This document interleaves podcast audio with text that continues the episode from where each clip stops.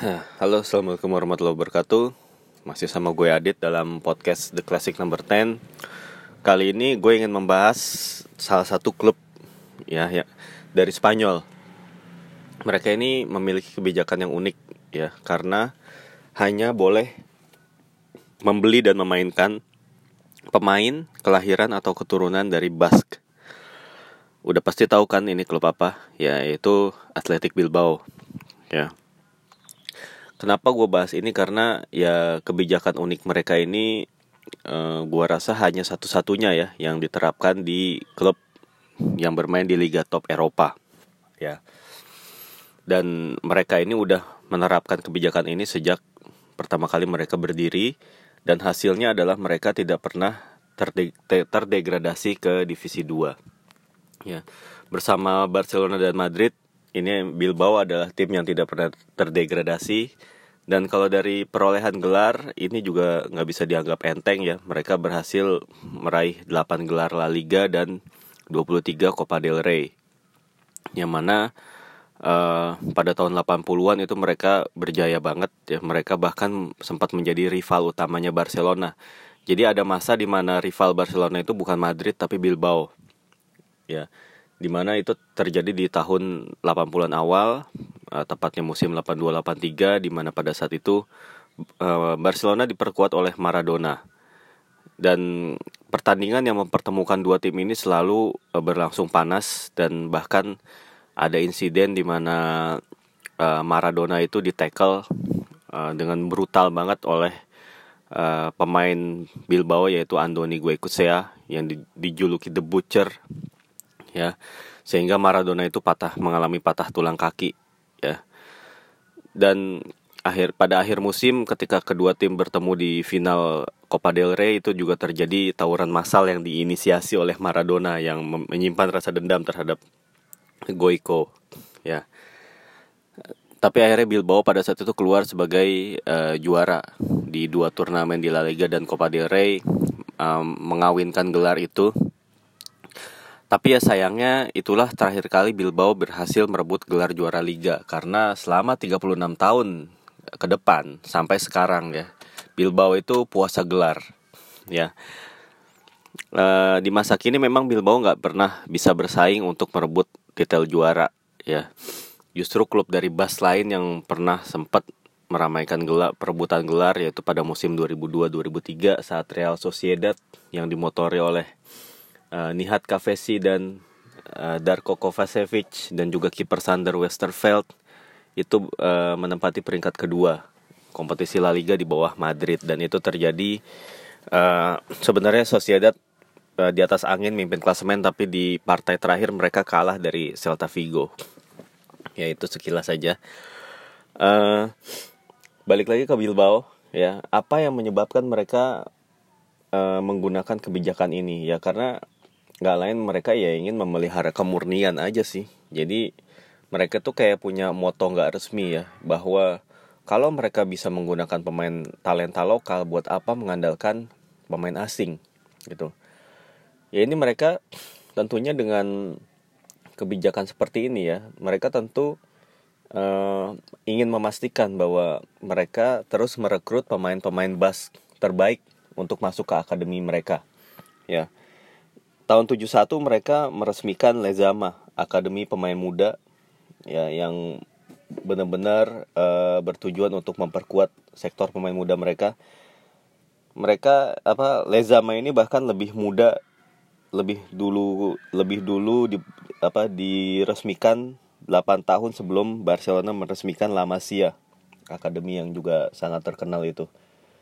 Uh, jadi mereka tuh apa dengan hadirnya Lezama ini mereka ingin memastikan bahwa seluruh talenta terbaik dari Bas itu memperkuat mereka baik dengan cara uh, scouting yang mereka lakukan benar-benar pure scouting dan mereka mereka dapat pemain mereka kontrak bahkan dengan cara-cara yang mungkin gak disukai oleh rival mereka yaitu dengan membajak pemain berbakat dari klub lain. Ini bukan cerita baru di di Bilbao ya. Ada banyak banget cerita di mana eh, klub-klub dari selain Bas eh klub-klub selain Bilbao di Bas itu benar-benar nggak suka sama apa yang dilakukan oleh Bilbao ya.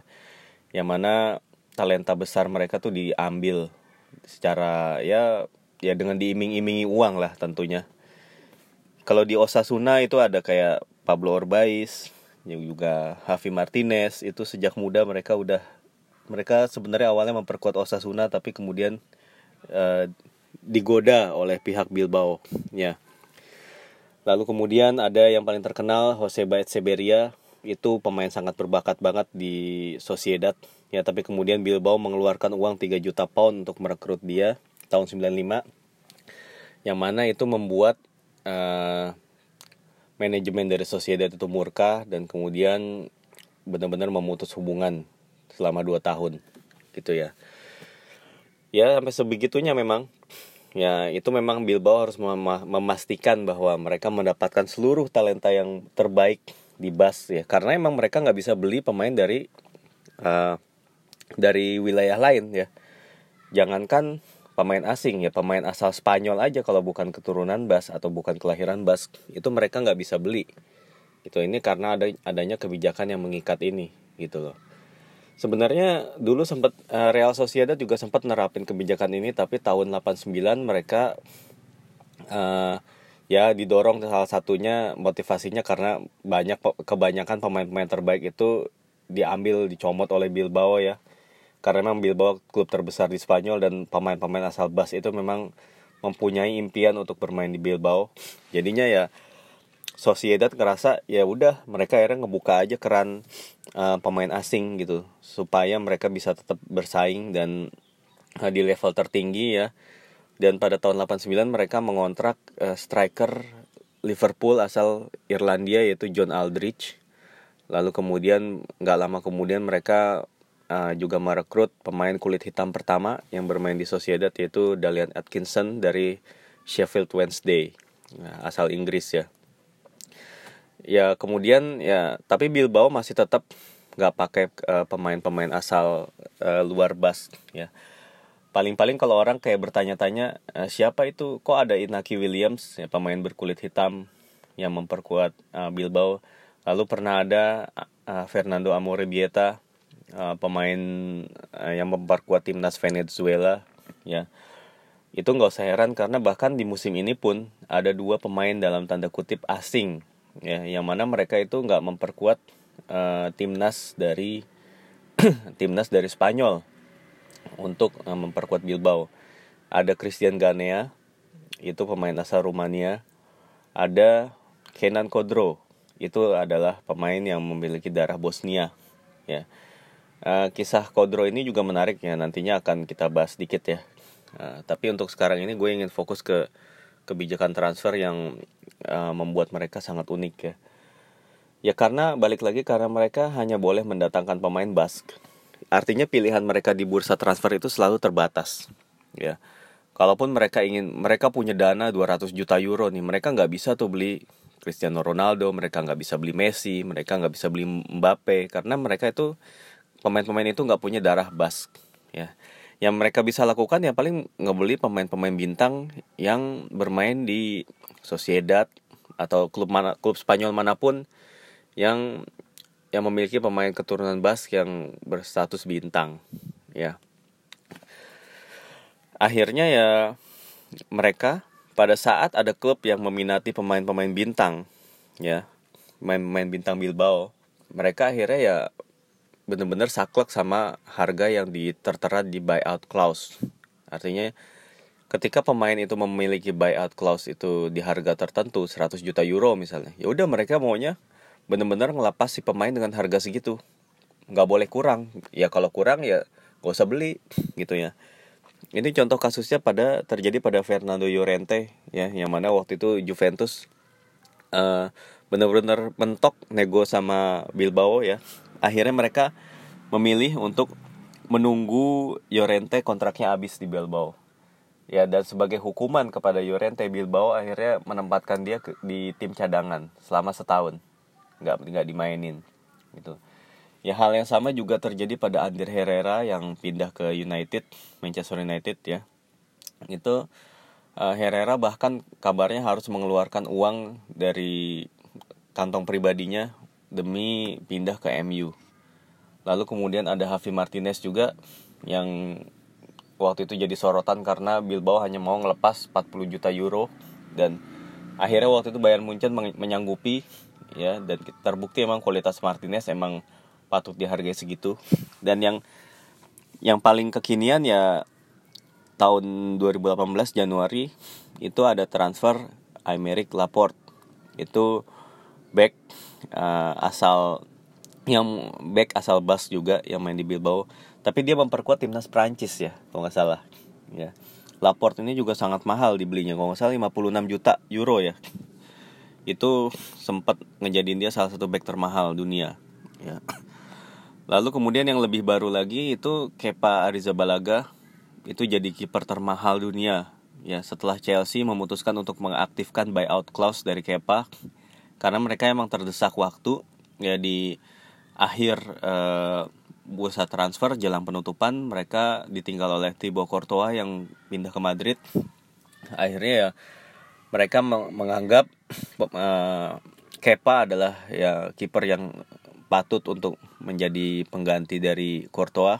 Akhirnya mereka mau nggak mau keluarin uang sebesar berapa? 70 75 juta euro ya atau sekitar segitulah untuk ngebeli Kepa gitu ya Bilbao emang untung besar dari kebijakan ini ya secara finansial. Mereka tuh ya bisa dibilang klub yang sangat sehat ya. Di saat banyak klub-klub Spanyol itu yang terlilit masalah finansial yang terlilit hutang. Bilbao itu ya dengan kebijakan ini dengan apa namanya kebijakan hanya hanya diperkuat pemain bas tentunya mereka bisa sangat menghemat. Mereka nggak perlu membeli pemain-pemain bintang yang gajinya mahal gitu. Paling pemain-pemain senior yang mereka beli itu ya itu tadi sebatas yang udah apa melanglang buana di Liga Spanyol seperti mereka sempat membeli Benyat Echeverria lalu kemudian mereka juga sempat membeli Raul Garcia dari Atletico lalu kemudian juga ada beberapa pemain lain lah yang mereka juga beli gitu. Uh, di musim yang paling gue ingat dari Bilbao itu adalah ketika mereka di Liga Eropa kalau nggak salah musim 2012-2013 ya. Itu mereka bisa ngalahin Manchester United dengan permainan yang sangat spektakuler ya. Itu di bawah arahan Marcelo Bielsa itu mereka benar-benar uh, apa namanya menghebohkan sepak bola Eropa lah gitu pada saat itu. Dan itu juga pada saat itulah gue mulai juga memperhatikan Bilbao sih jujur aja. Dan karena memang mereka waktu itu mainnya bagus banget di bawah Bielsa ya dan ini membuat Bilbao ini jadi klub-klub yang cukup uh, disukai oleh banyak orang ya. Terutama kalau orang pengen suka sama klub yang unik ya mereka memilih Bilbao sebagai klub yang mereka dukung gitu loh. Ya selain kebijakan transfer itu juga ya dan juga uh, pengambilan paksa atau pembajakan pemain muda yang dari klub-klub rival ya itu adalah sisi menarik uh, dari sepak bola Bilbao sendiri ya. Ya yang mana ini menurut gue ya orang bisa aja berpikir ini adalah salah, salah satu bentuk xenofobia atau ya fobia terhadap uh, orang asing gitu ya atau pihak-pihak asing.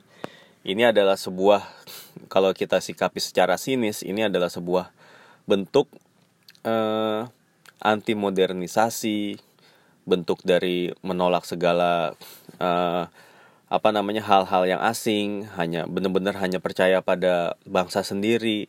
Ini ya di satu sisi ini menunjukkan sikap yang sangat tertutup gitu ya. Tapi ya ya ini sah-sah aja sih. Karena mereka toh dengan kebijakan ini mereka tetap bisa bersaing di kompetisi La Liga ya. Seperti halnya yang terjadi pada musim ini ya. Kalau kita bicara musim ini Bilbao itu pada awal musim kemarin 2018-2019 itu malah akrab dengan zona degradasi. Mereka bahkan sempat menghuni zona degradasi pada saat kepemimpinan pelatih Eduardo Berizzo. Ya, tapi kemudian uh, perlahan-lahan ya, ketika kemudian si Gaisca Garitano itu masuk menggantikan Berizzo, ya mereka per, perlahan naik naik sedikit demi sedikit dan percaya atau enggak sekarang uh, mereka sekarang udah dikit lagi memasuki zona Eropa ya uh, poin mereka sekarang 40 ya. Tapi mereka hanya ber, berselisih 6 poin dari Getafe yang berada di peringkat keempat posisi keempat ya. Yang mana ntar pada uh, nanti dini hari nanti Bilbao akan bertemu dengan Levante. Sementara pesaing di atas mereka yaitu uh, Sevilla Valencia, Alaves dan juga Getafe menghadapi lawan-lawan yang berat. Uh, Getafe tadi harus bertandang ke Espanyol, uh, lalu kemudian Sevilla dan Alaves itu saling bertemu dan juga Valencia harus menjamu Real Madrid. Jadi ada kemungkinan besar uh, pesaing di atas mereka ini drop point gitu di pertandingan-pertandingan ini. Dan ketika jika Bilbao menang dari menang atas Levante, yang pasti poin mereka akan bertambah tiga dan mereka akan terus mendekati zona Eropa yang mana ini sebelumnya nggak terbayangkan banget karena uh, pada putaran pertama mereka ada di zona degradasi tapi sekarang mereka bisa lolos ke berpeluang lolos ke Eropa. Bahkan kalau mereka mau sabar ya diem-diem ya kayak ya nggak terlalu diperhatiin orang gitu mereka bisa aja lolos ke Liga Champions ya. Ya kalau berbicara materi pemain sekarang ya sebenarnya ya Bilbao sebenarnya udah banyak banget pemain ditinggal oleh pemain-pemain bintangnya ya. Pemain-pemain yang sangat berkontribusi besar pada musim-musim sebelumnya ya. Kipernya bukan lagi Gorka Iraisos tapi sekarang Iago Hererin. Lalu kemudian uh, di posisi di lini belakang masih ada Ira Alvarez sih pemain yang paling berbakat lah, back paling berbakat yang mungkin bisa jadi dia akan menjadi penjualan mahal berikutnya bagi Bilbao. Lalu kemudian masih ada Oscar Di Marcos ya sebagai pemain senior, pemain yang sangat serba bisa dan kini dia dipatenkan sebagai bek kanan ya. Kemudian ya di lini tengah tuh udah banyak muka-muka baru ya. Terus lalu kemudian tapi masih ada si Mikel San Jose di situ ya. San Jose ini trivia sedikit San Jose ini ini pernah main di akademi Liverpool bahkan ya Mikel San Jose ini ya.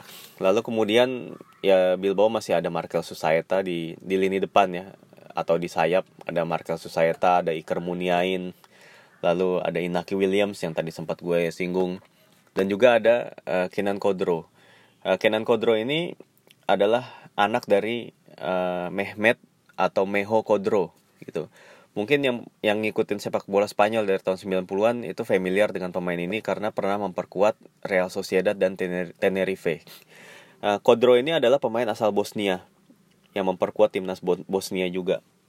Ya anaknya Kenan Kodro itu juga memperkuat timnas Bosnia ya bisa ditebak kan? Gimana gimana bisa si Kenan Kodro ini memperkuat Bilbao? Ya tentunya uh, karena uh, saat Meho Kodro itu main di Spanyol di Sociedad saat itulah Kenan Kodro itu lahir. Tahun 95-an lah kalau, kalau nggak salah.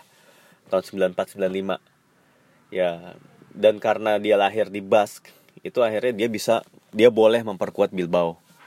Itulah yang menjadi cerita yang cukup menarik yang terjadi musim ini ya di mana Kenan Kodro ini memang dibeli dari FC Copenhagen uh, untuk menggantikan posisi Aritz Aduris yang cedera ya. Penyerang veteran ini memang uh, sebenarnya di pernah di sempat dijuluki Benjamin Button sepak bola karena makin tua justru dia ketajamannya makin menjadi.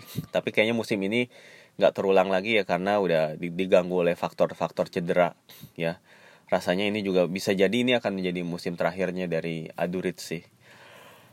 Dan ya begitulah ya menurut gue sih uh, Bilbao ini akan terus menggunakan kebijakan asal apa kebijakan untuk selalu memakai pemain asal Bask ini tadi. Karena mereka ngerasa udah cukup mereka merasa nggak perlu pemain-pemain asing dan dengan kekuatan sendiri mereka masih bisa setidaknya bertahan di kompetisi La Liga.